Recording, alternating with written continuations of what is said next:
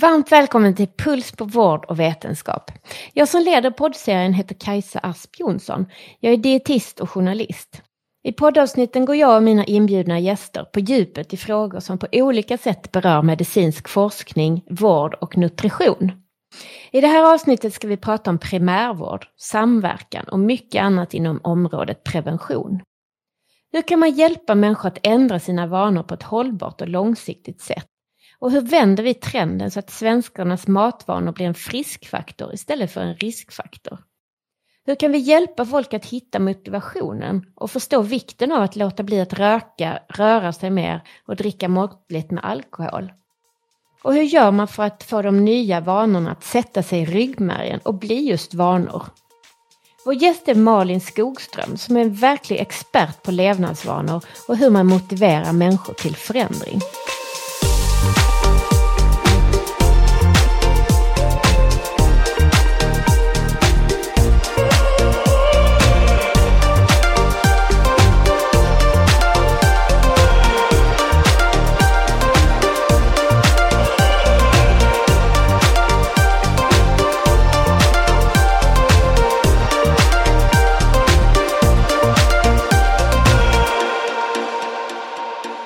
Malin Skogström är läkare och har jobbat inom primärvården Skåne i 14 år.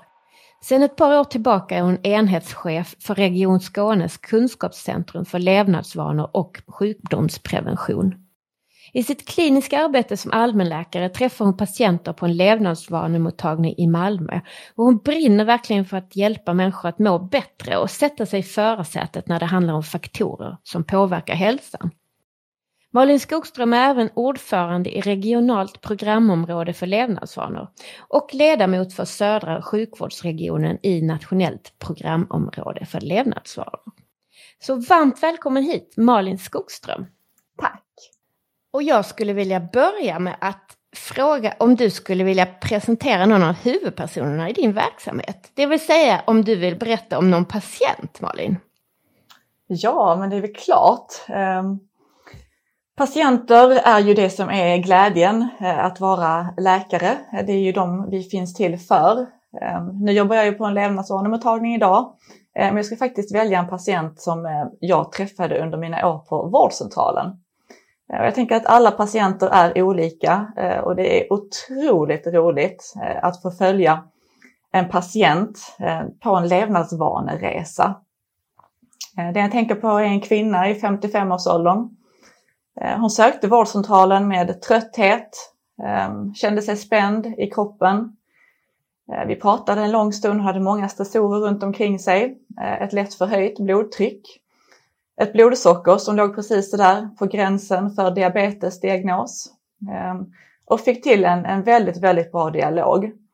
Ehm, och, och hon insåg efter vårt samtal att hon behövde faktiskt göra aktiva val själv för sin hälsa. Eh, hon var inte alls intresserad av att landa i diabetesrummet. Eh, hon var inte intresserad av att få blodtryckstabletter eh, och formulerade själv tydliga mål för vad hon ville göra för sin hälsa.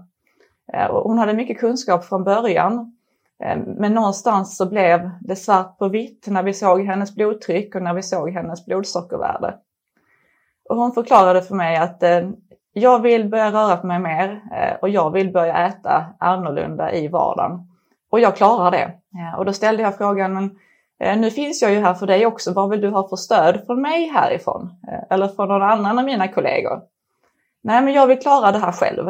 Ehm, så jag, jag, vet ju ändå att det här med uppföljning kan ju vara värde för dig, att vi ändå får följa dig på den här resan. Ehm, och då tänkte hon en stund och så sa hon, ja, men jag har ju min övervikt ehm, och jag vill komma hit och väga mig eh, var sjätte vecka eh, och ta ett blodtryck.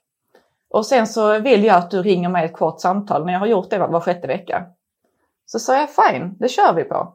Hon vill absolut inte ha mer stöd än så. Hon tog med sig Livsmedelsverkets eh, vykort med vilka saker man kan byta ut i maten. Hon skulle gå och köpa ett par joggingskor. Och det är så härligt för att jag tror vi pratade kanske sammanlagt 25 minuter, eh, jag och den här kvinnan. Ehm, men hon kände liksom att jag är redo och jag känner mig kompetent eh, och jag har mycket kraft i det här och jag vet att jag behöver göra en förändring. Ehm, och så började det för henne. Och jag kan säga att de samtalen vi hade var sjätte vecka när hon hade varit inne och vägt sig eh, och mätt sitt blodtryck. Det var fantastiskt för mig som läkare att få följa henne i detta. För hon gjorde detta helt själv.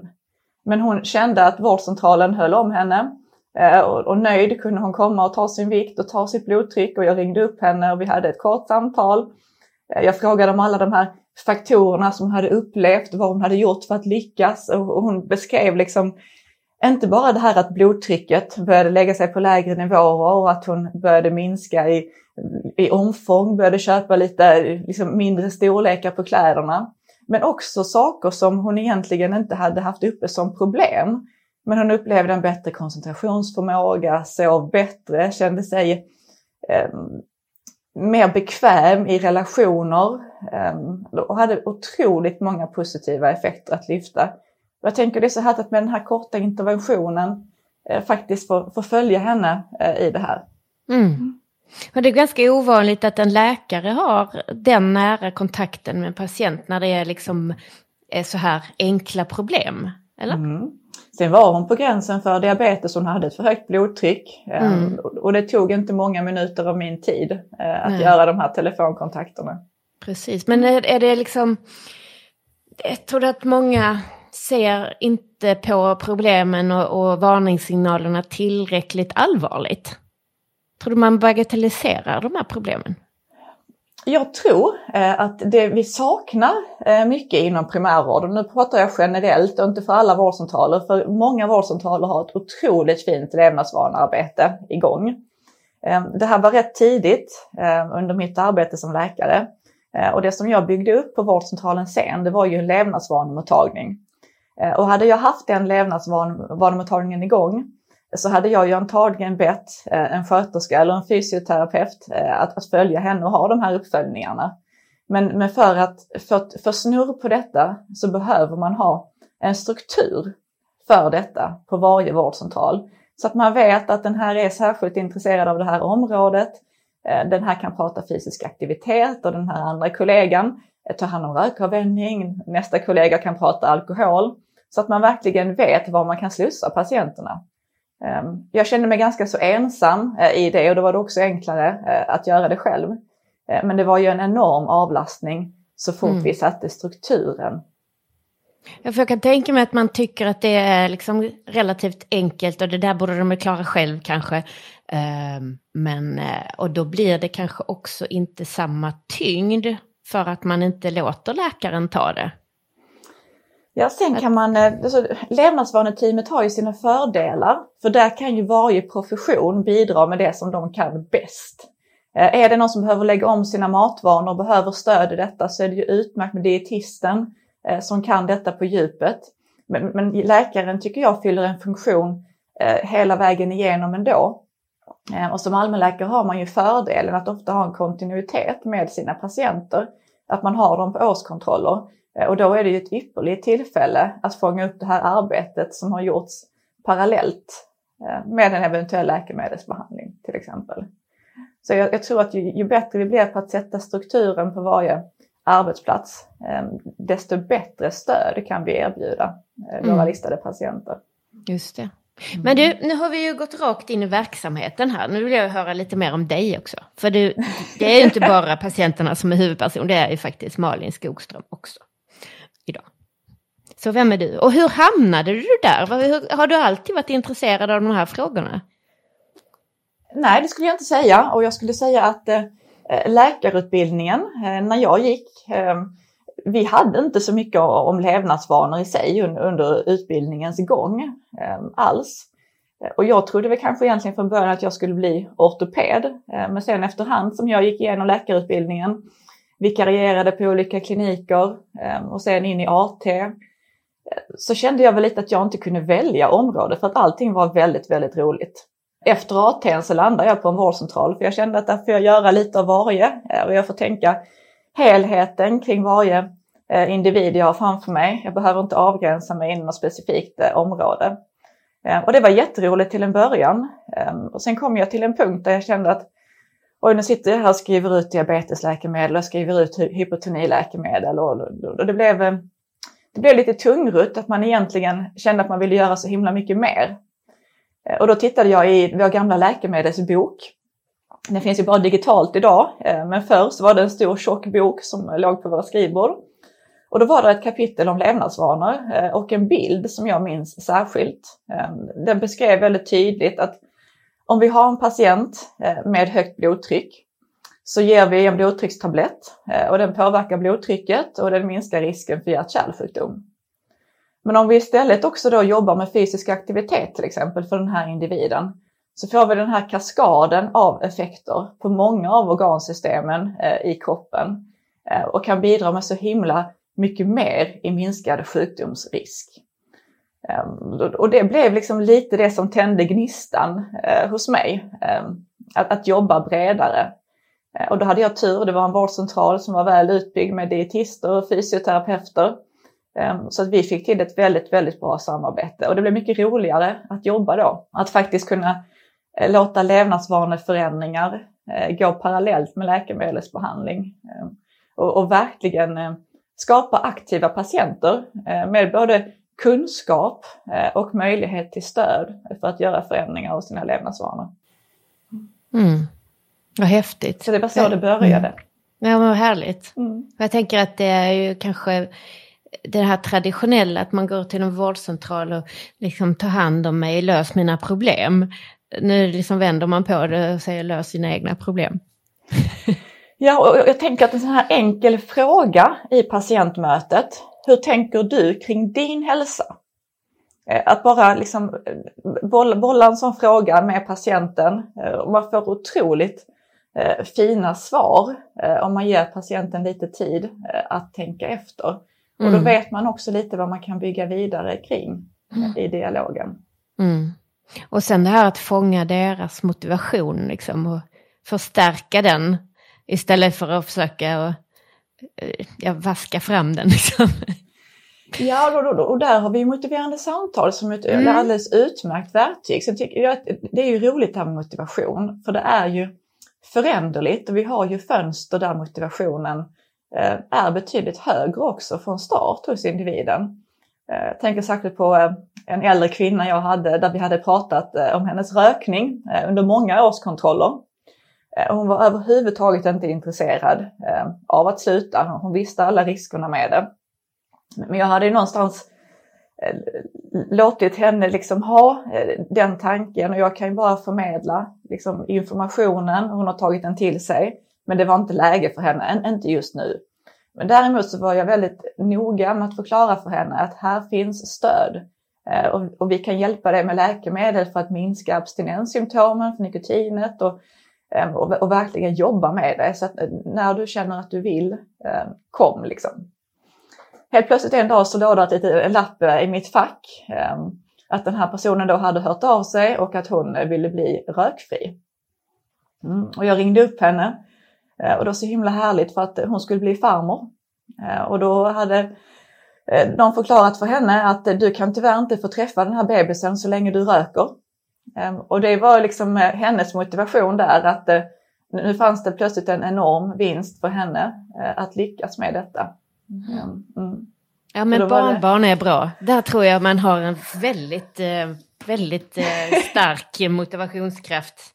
När jag jobbade på en vårdcentral i, också i Skåne, eh, då var det ju en sån här man som jag hade träffat massor med gånger. Han hade övervikt och diabetes och hjärt-kärlsjukdom och liksom, han såg bara väldigt trött ut. Han gick upp något hekto och ner något hekto. Alltså, det, tiden gick och det hände liksom ingenting. Och sen plötsligt en dag, han gått ner flera kilo, han kom en gång i månaden, det var ganska generös uppföljning. Eh, men att eh, då, då kom han en dag, hade gått ner flera kilo sen sist och det, som bara lyste om honom. Jag Tänkte oj, nu har han träffat en ny tjej eller något. Här, tänkte jag.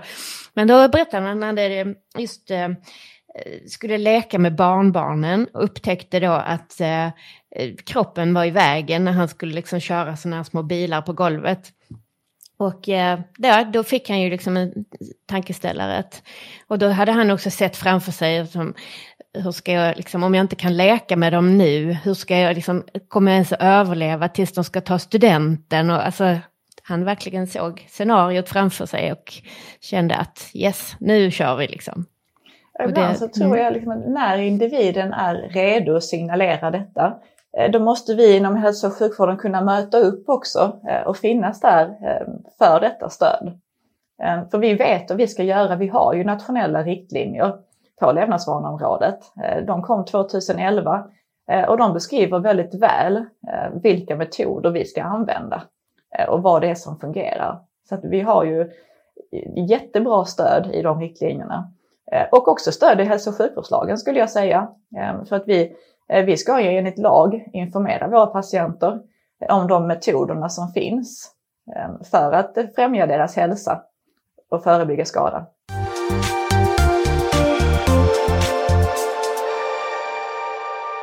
Det står i riktlinjerna, det står i lagen. Vi vet att det liksom sparar väldigt mycket pengar. Vissa säger ju att en satsad krona ger fyra tillbaka, andra säger att det ger sju, åtta kronor tillbaka. Och vi vet att det kostar massor att rehabilitera och folk inte kommer tillbaka till jobbet på länge efter en stroke till exempel, kanske aldrig kommer tillbaka till jobbet. Alltså det finns så mycket olika saker som borde väga väldigt tungt. Och ändå så är det inte prioriterat att jobba med pre prevention. Eller har varit i alla fall, skulle jag säga. Vad är det som vad stoppar liksom? Varför gör man det inte? Ja, det är en jättebra fråga. Ehm, jag tror att det handlar mycket om ersättningsmodeller eh, till exempel. Ehm, I många regioner så, har, så ges vi ju ersättning utifrån den diagnostyngd och socioekonomi som vår listade befolkning har. Ehm, vissa försäkringssystem i USA till exempel, eh, de, de tjänar ju på att hålla sina listade patienter friska. För annars så kostar det systemet mer så att säga. Alltså de, de jobbar ju jättemycket eh, med prevention för att inte behöva ta kostnaderna i slutändan. Så det tror jag är en sak. Jag tror också att det handlar om ett ledarskap i detta. Ehm, att som, som chef verkligen sätta tyngd ehm, på preventionsbiten. Eh, och vi heter ju också hälso och sjukvård så att det här med hälsa ska ju vara eh, en del eh, i vårt uppdrag.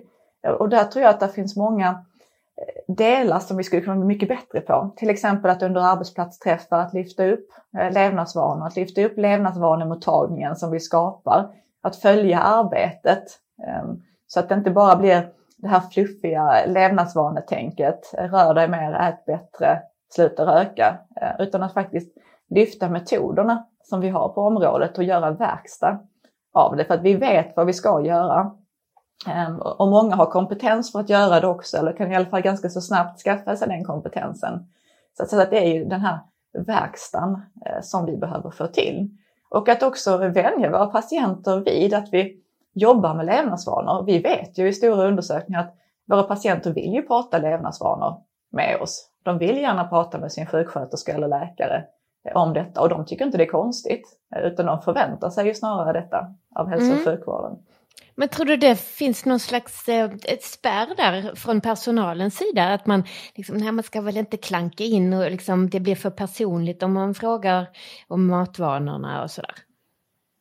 Jag tror att vi börjar komma ifrån det lite. Eh, alkoholen eh, skulle jag kanske säga eh, är där, där vi eh, inte vill trampa in för mycket. Eh, vilket i sig är väldigt konstigt, därför med tanke på hur alkoholen påverkar våra kroppar eh, och hur många läkemedel som alkohol interagerar eh, med, så, så känns det väldigt konstigt för mig att skriva ut läkemedel till en patient eller starta en behandling på något sätt utan att ha koll på individens alkoholkonsumtion. Mm. Och där har vi väl också liksom vad ska jag säga, medelålders och något yngre generationer har ju liksom eh, ett annan, eh, jag vet inte, man dricker alkohol lite när som liksom. Man tar ett glas vin på tisdagen. Och, alltså, man tycker inte att det är något man ens, man vet inte ens att det påverkar hälsan. Nej, vi har ju till exempel eh, kvinnor eh, i den äldre kategorin. Eh, där har vi ju ett, har haft i alla fall ett ökande riskbruk i de mm. grupperna.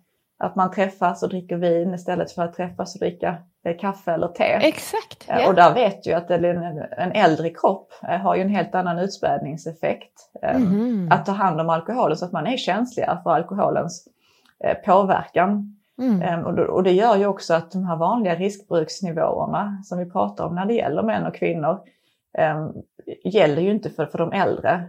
Och där hoppas jag att vi får nationella riktlinjer för de äldre som på något sätt faktiskt tar ner nivån för riskbruk rejält. Mm. Men du, när du säger äldre, hur gammal är man då? Ja, men vi kan väl säga över 60-65, men det är också helt individuellt. för de riskbruksgränserna vi har vid 9 och 14 glas för, för kvinnor respektive män, det är ju utifrån en frisk individ. Har man symptom, har man någon diagnos, någon form av besvär så måste man ju väga detta och man, kan säga från hälso och sjukvårdens synvinkel så kan vi ju aldrig rekommendera alkohol alls ur ett hälsosyfte. Inte ens i medelhavsdieten alltså? Nej. Nej. Fick vi befäst det. Nej, men du, har, du, har du något tips på någon hemsida eller så där man kan se de här standardglasmängderna och så? Finns det någon... Ja, jag tycker Riddargatan i Stockholm eh, är alldeles utmärkt. Eh, alkohollinjen också, det är hemsidor alltihopa. Ja, mm. riddargatan.se då eller? Riddargatan 1 eh, kan man söka. Mm. Mm -hmm. mm. De har Vad är det för en, jätte... Ja, men det, det är ju eh, kliniker och alkoholforskare som jobbar på en mottagning till exempel i Stockholm som har eh, otroligt fint material där man kan lära sig mm. mycket eh, om alkoholen. Mm. Bra mm. tips! Mm. Både för eh, vårdpersonal eh, men också för eh, patienter eh, och deras anhöriga. Mm. Bra! När jag frågade om detta med äldre, för att jag, jag såg en eh, rubrik i någon tidning igår där det stod att en äldre kvinna i 45-årsåldern hade blivit rånad. Så tänkte jag, oj då, jag är sån här äldre äldre då. Nej, men det, det, det, är ju liksom någonstans det här med att ha en, en god hälsa genom livet och, då, och det kräver ju liksom en medvetenhet hos individen. Jag tänker att det kräver också att vi inom hälso och sjukvården gör eh, information relevant för individen vi har framför oss. Eh, så har vi en diabetiker framför oss så gäller det verkligen att koppla levnadsvanorna till den diagnosen så att, så att den personen förstår eh, att så här, den här effekten har det och det här kan jag göra. Och de här friskfaktorerna har jag, de kan jag jobba vidare med. Och där tror jag att vi behöver bli lite liksom skarpare i hur vi förmedlar information. Mm. Precis. Jag brukar prata om, liksom, jag är ju mer, mest inne på matvanor då, men att liksom inte lägga några värderingar eller känslor i vad jag säger, utan fakta. Det här är fakta, så här påverkar det din kropp. Gör vad du vill med den informationen. Mm. Och också kan man tänka den här frågan, hur tänker du kring detta när man liksom har eh, fört en dialog, att verkligen höra patienten själv formulera någonting. Jag tycker det här Livsmedelsverkets vykort Därför är som ett stoppljus, liksom vad, man, vad man gärna ska äta mer av och byta ut och äta mindre av. Eh, jag har ju alltid haft en hög av de vykorten på mitt rum, för det allra bästa tycker jag är, medan jag sitter och knappar på datorn eller någonting, att patienten faktiskt själv lyfter upp ett vykort och börjar titta. Ehm, för då har någonstans patienten tagit första steget själv också. Då är det väldigt lätt att inleda en dialog. Jag ser att du tittar på vykortet. Eh, hur tänker du kring, eh, kring det som står där utifrån mm. dig själv? Ehm, det är en väldigt bra inledning. Ehm, mm. Så det gäller lite att nudga och locka eh, patienterna att bli nyfikna eh, på mm. detta. Jag snappade upp lite att du, du gärna använder ordet vill. Är det, ingår det i det här motiverade samtalsmetodiken? Jag har inte själv snappat upp att jag ofta använder ordet vill. Nej, du har inte det? Nej. Men, men motiverande samtal, det handlar ju om att att väcka kraften i varje individ med förändringsprat. Det handlar om att kunna eh, hantera motstånd ehm, och också att faktiskt pejla av motivationen lite så att man vet var individen står. Liksom, hur, hur gärna vill du genomföra den här förändringen? Att lite skala upp det liksom, mellan 0 och 10. Ehm, hur viktigt är det här för dig att göra den här förändringen? Ehm, hur troligt eh, är det för dig att du lyckas? Vad, vad behöver du för att lyckas? Och, verkligen få till förändringspratet.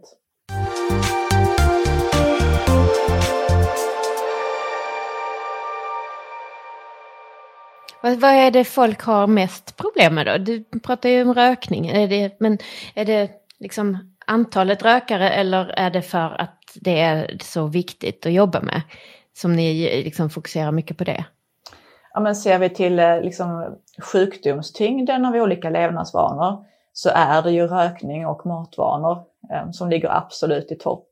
Eh, alkohol och fysisk aktivitet ligger inte långt efter men, men det är ju ändå eh, där vi har den stora tyngden så att säga, rent generellt sett. Mm. Och, och, är det då främst, för jag vet ju att ni också screenar och, och träffar alla som fyller 50 va? Och du menar, du menar de riktade hälsosamtalen i Skåne? Ja, precis. Ja. Nej, för det, vi ska komma in på dem. Men jag tänker, alltså de som vill ha hjälp med att sluta röka, är de i alla åldrar eller är det mest liksom över 50 eller sådär? Nej, nej det kan vara absolut kan vara alla åldrar. Absolut. Även en tjej i 20-årsåldern?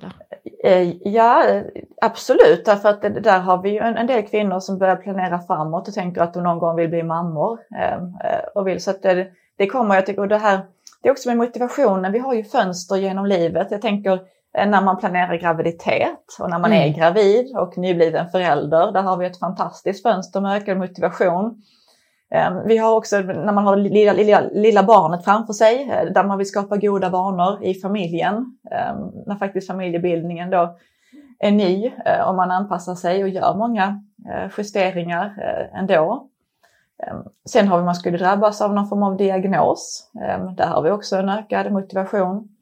Ehm, om man ska opereras till exempel. Mm. Där vet vi att har vi våra patienter rök och alkoholfria inför en operation så kan vi minska komplikationsriskerna med cirka 50 procent mm. om vi lyckas med det. Och det är ju eh, en väldigt, väldigt hög siffra. Och också sätt att få en aktiv patient som kan använda väntetiden inför en operation till att förbereda sig eh, genom mm. att jobba med de här delarna. Mm. Och inte bara komplikationer heller utan det, det påverkar väl också liksom förmågan att återhämta sig snabbt också efter ett sådant ingrepp? Mm. Absolut, absolut. Och där tror jag också att det, för en patient så blir det väldigt tydligt eh, att här är det de här veckorna som jag behöver vara alkoholfri eller den här perioden som jag ska vara rökfri. Ehm, och det är ju många som kommer fram till att har de lyckats med den perioden ehm, så går det bara farten att fortsätta mm. Eh, att vara rökfri till exempel. Mm. Så det är ju både ett fönster just för att göra ehm, operationen säkrare men också för hälsa framåt genom livet. Mäter ni det här och följer, alltså, har ni, tar ni statistik på det här hur de faktiskt mår? För jag tänker att liksom blodsockervärdena och blodtrycksvärdena, det är ju liksom enkelt att mäta, men jag tänker att folk blir så mycket piggare och gladare. Att det måste ju vara, alltså det är ju värt mycket för dem själva, men det måste ju vara, finns det siffror på det också? Det finns det säkert och det görs ju många studier på de här områdena. Ehm, och det finns ju olika instrument att mäta detta. Sen det vi följer inom hälso och sjukvården det är mycket åtgärdskoder, det vi kallar för mm, KVÅ-koder, alltså vilka, eh, vilka interventioner eh, som är insatta för varje eh, individ. Det är sånt som är ganska så enkelt att följa till exempel. Ni får ha sådana här knappar som du har i vissa affärer, man kan trycka på grön eller gul eller röd gubbe. Precis, det hade varit lätt. Men du, du berättar om de här hälsosamtalen nu då? Åh, nu får du igång mig Kajsa. Yes! jag tycker att du har varit igång rätt bra redan innan. Ja, men vi har det roligt i Skåne just nu. Ehm, mm. Vi, har, ehm, vi är ju en liksom, politiskt styrd organisation ehm, och där har vi eh, nu en politik som faktiskt visar eh, vägen att vi ska jobba mer förebyggande. Och då har man då fattat beslut eh, om att vi ska jobba med riktade hälsosamtal. Och det är ju enligt en metod som kommer ursprungligen från Västerbotten och Jönköping Eh, där man påbörjade arbetet redan på 80-talet och sen har utvecklat metoden. Och vi körde en eh, pilotfas för detta förra hösten eh, och detta året pågår då ett breddinförande i Skåne för 40-åringar. Och den här metoden den syftar ju till att då förebygga hjärt-kärlsjukdom men även diabetes typ 2. Och det vi vet är ju att nästan all hjärt-kärlsjukdom går att förebygga. Så det känns väldigt fint att kunna Eh, knyta upp levnadsvanearbetet kring den här metoden. Eh, och det innebär att alla vårdcentraler då i primärvården, eh, både offentlig och privat, tittar på sina listade 40-åringar och erbjuder dem ett sånt här riktat hälsosamtal. Och då innebär det att titta då på både frisk och riskfaktorer då för hjärt-kärlsjukdom. Ehm, enligt eh, metoden då från, från Jönköping som vi ligger allra närmst. Ehm, och det handlar om levnadsvanorna, det handlar om psykisk hälsa, livssituation, ärftlighet, eh, BMI, eh, blodtryck, blodsocker, kolesterolvärde ehm, för att få den här helhetsbilden. Och sen har vi ett visuellt pedagogiskt verktyg, hälsokurvan, där varje individ får sin egen kurva då, hur ens frisk och riskfaktorer ser ut. Eh, och min verksamhet här har ju då uppdrag som metod och kompetensstöd. Så vi svarar på frågor och riggar webbstödet med IT-sidan, sköter uppföljning, förankrar metoden här i Skåne. Så det är ett, vi är ett stort team som jobbar med det och det är fantastiskt roligt. Får man då liksom en inbjudan på sin 40-årsdag? Liksom? Det är året man fyller 40. Mm. Mm, mm. Och sen är tanken att vi nästa år bygger ut det till 40 plus 50-åringar. Mm. Men det är ju nästa kull 40-åringar då eh, efter årsskiftet. Precis. Och sen är det tanken att man följer dem var tionde år då så att man får kurv, eller följer varje individ också eller? Absolut är det det. Eh, tittar man på Västerbotten till exempel, eh, de bjuder in 40, 50 och 60-åringar varje år. Jönköping har nyblivna föräldrar 40, 50, 60 och 70-åringar. Så det ser lite olika ut och jag tror att just nu är det nog 14 regioner i Sverige som jobbar med riktade hälsosamtal som metod. Ehm, och alla har lite olika urval då eh, utifrån åldersgrupp. Så vi får se här men jag hoppas ju att vi eh, breddar detta eh, i Skåne. Och så som Jönköping har det upplagt så blir det ju faktiskt som en vaccination för hälsa ehm, som följer individen genom livet var tionde år. Och där man kan se det som att när, när man är liten, ehm, där får då förstagångsföräldrar ett första hälsosamtal och det ger ju en, en, en bra smittoeffekt till barnet så att säga. Eh, och sen har man eh, ytterligare BVC-samtal, man har elevhälsans hälsosamtal ehm, och sen så fortsätter det uppåt i åldrarna. Mm. Men når man alla? Når man även de som behöver det som bäst? För det, ofta är det ju de som är mest intresserade som är benägna att komma på sådana här möten och uppföljningar. Vi har ju sneglat lite på andra regioner såklart när vi startade upp detta i Skåne eh, och där vet vi eh, från studier från andra delar av Sverige eh, att man har haft den här bra blandningen. Ehm, och faktiskt, men någonstans man måste komma upp i ett visst deltagande för att veta att man når alla grupper. Det vi också vet är att den här erbjudandet och interventionen gynnar dem som till exempel har en lägre utbildningsnivå. Eh, så, att här finns ju potential att verkligen jobba för en jämlik hälsa eh, med den här metoden. Men Skåne är ju den första storstadsregionen som går in i detta. Så vi har ju riggat för en massiv uppföljning här, både vad gäller verksamhetsuppföljning men också forskning för att se vad vi kan få fram. Mm. För, för det, det, är ett jätteviktigt mål eh, att nå alla grupper. Mm. Men vi har ju verkligen en chans här att göra någonting för skåningarnas hälsa eh, på bredden. Eh, och vi har otroligt engagerad primärvård med många medarbetare som, som verkligen vill jobba med det här förebyggande. Mm. Och det som är fint med hälsosamtalen det är ju att det är en sån tydlig metod. Så man kan verkligen hänga upp levnadsvanearbetet kring den här strukturen. Vi kvalitetssäkrar det genom ett metodstöd som är som en manual beroende på vad som faller ut. Vad ska jag göra? Hur ska dialogen föras? Hur går jag vidare? Så, så jag eh, hoppas att vi verkligen får snurr på denna verkstad nu. Ehm, mm, det låter jättespännande. Det ska vi, får vi följa framåt här. Det får ni gärna göra. Ehm, och jag tror väldigt mycket på metoder när det gäller levnadsvanearbete. Mm. För att verkstaden ska tydliggöras. Ja, nej men det är ju ofta så att det liksom hänger på någon enstaka eldsjäl och om den personen går i pension eller blir sjuk eller något eller flyttar så, så har man plötsligt ingenting kvar. Alltså det är superviktigt att man sätter det i väggen liksom. Och det blir ju en otrolig kompetenshöjning i primärvården också för här utbildar vi ju en till två samtalsledare då för metoden på varje vårdcentral. Vi har ju över 160 vårdcentraler i Skåne, det är en stor region. Eh, så här får vi ju många individer då som, som verkligen får eh, en ökad kompetens. Och det är ju inte någonting som de bara använder i hälsosamtal utan det tar de ju med sig i alla sina andra patientmöten. Så vi har verkligen eh, möjlighet att göra skillnad. Och också så blir ju det här med eh, att göra en hälsokurva på individerna. Det är ett verktyg som vårdcentralerna då efter utbildning har tillgång till. Eh, och den kan man ju välja att använda på andra patientgrupper, till exempel diabetiker, hypotoniker, hypertoniker, de som har haft en hjärtinfarkt, långtidssjukskrivna för att få den här fina helhetsbilden när det då gäller sekundärprevention. Och att det finns en ersättning vill jag faktiskt nämna också. Eh, vårdcentralerna får 1000 kronor per genomfört hälsosamtal. Och det tror jag också är en viktig del att faktiskt eh, ekonomiskt eh, få ersättning för det här preventionsarbetet. Ja men verkligen. Om man nu liksom ser att det sparar så mycket pengar på sikt så är det väl väldigt väl använda pengar att ersätta när man gör det också så att säga. Ja, och det, och det handlar liksom om att få 40-åringar då, eh, att verkligen få dem att reflektera eh, kring sin hälsa eh, för att kunna göra sina medvetna val. Mm. Och, och där är ju många som inte behöver något stöd efter hälsosamtalet som klarar mycket på egen hand. Och andra behöver kanske stöd med att ändra sina matvanor eller att öka sin fysiska aktivitet. Och då görs det som vanligt på vårdcentralen.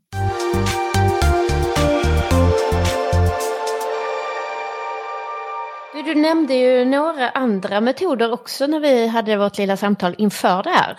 Ville du säga någonting om dem också?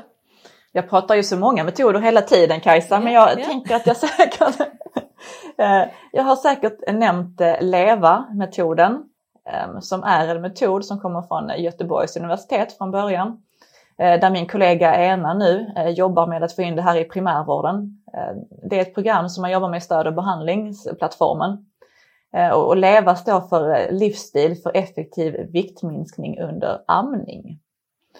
Ehm, och det är ett sätt att då jobba ehm, för viktminskning efter graviditet ehm, lite då digifysiskt, eh, några möten med dietist men annars då digitalt. För att just använda det här fönstret också när man är motiverad och har kraft att göra förändringar.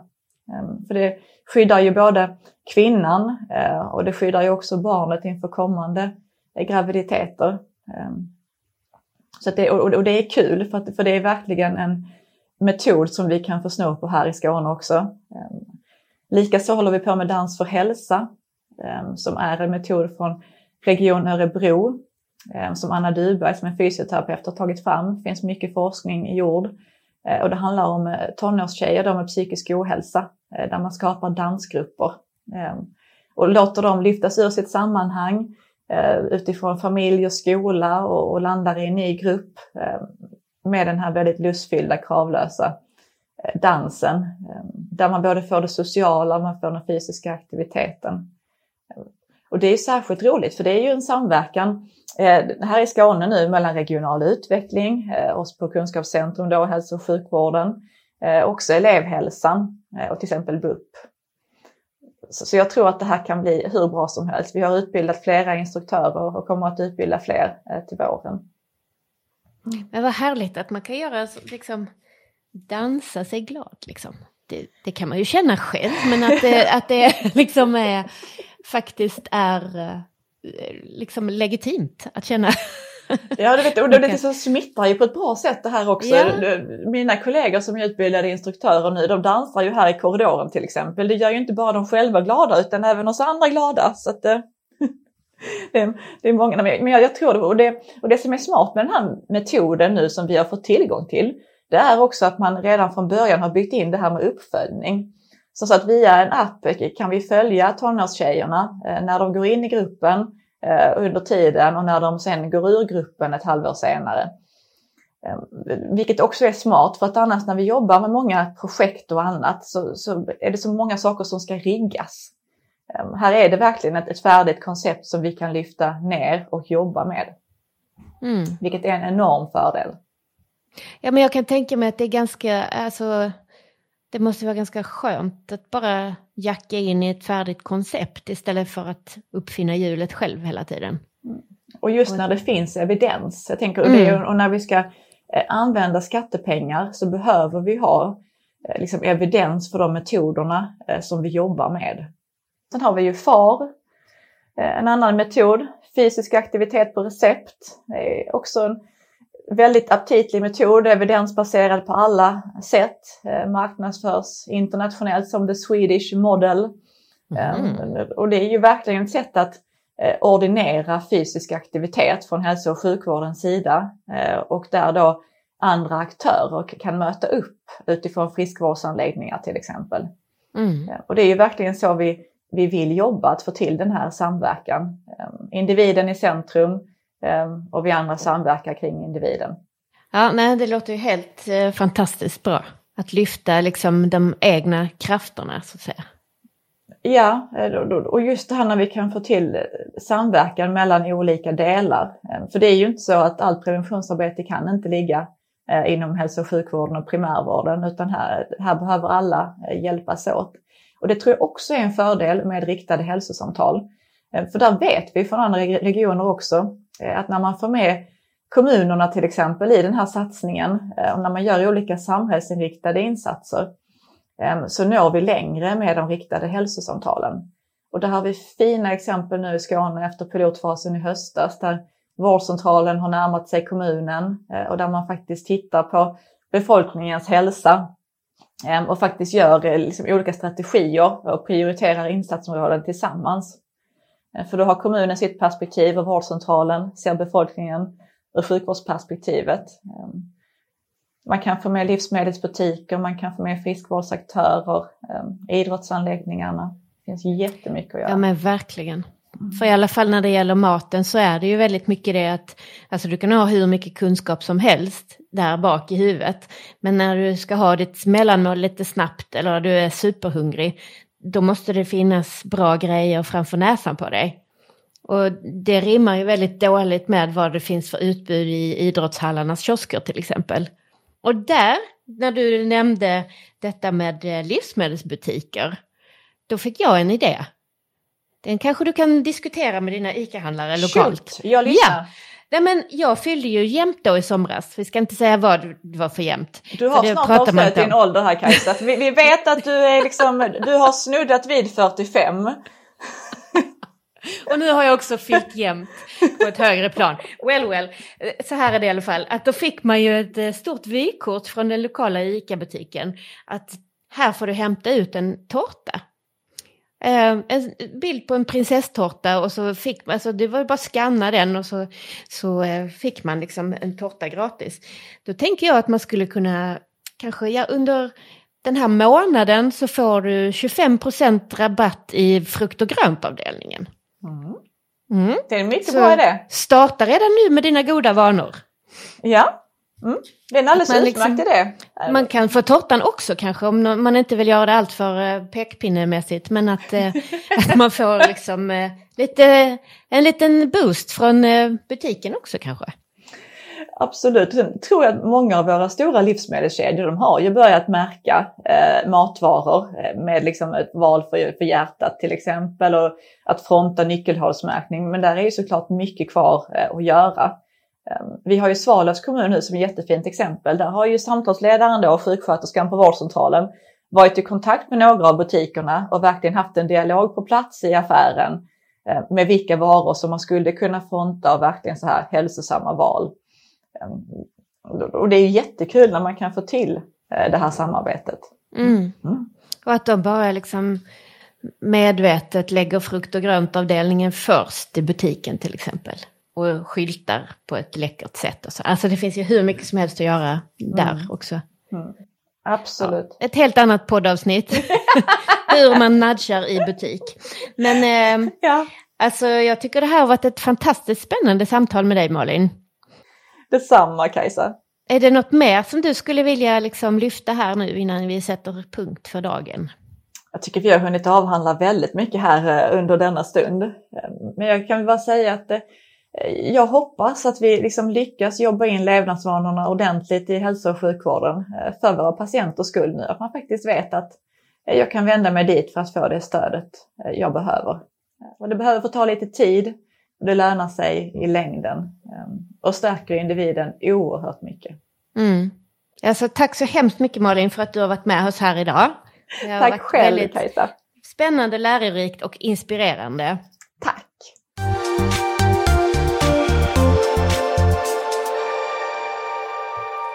Tänk att våra levnadsvanor har så stor potential. Nästan all hjärt-kärlsjukdom går att förebygga, som Malin sa.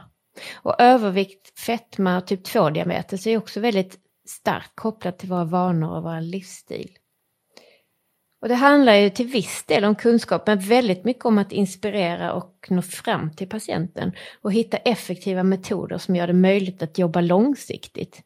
Och att frågorna prioriteras såklart.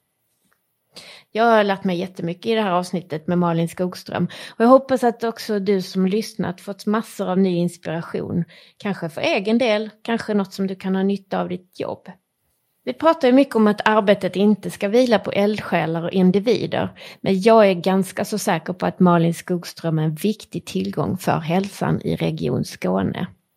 Vi lär få se mer av henne tror jag. Stort tack Malin för att du ville vara med som gäst i Puls på vård och vetenskap. Och tack också till dig som har lyssnat.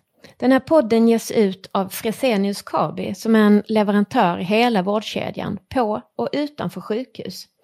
Klinisk nutrition, infusionsterapi, intravenösa läkemedel, biosimilarer, desinfektion och medicinsk teknik. Det är områden som de jobbar med. Och vill du veta mer så gå gärna in på freseniuskabi.se. Ha det så bra, vi hörs igen!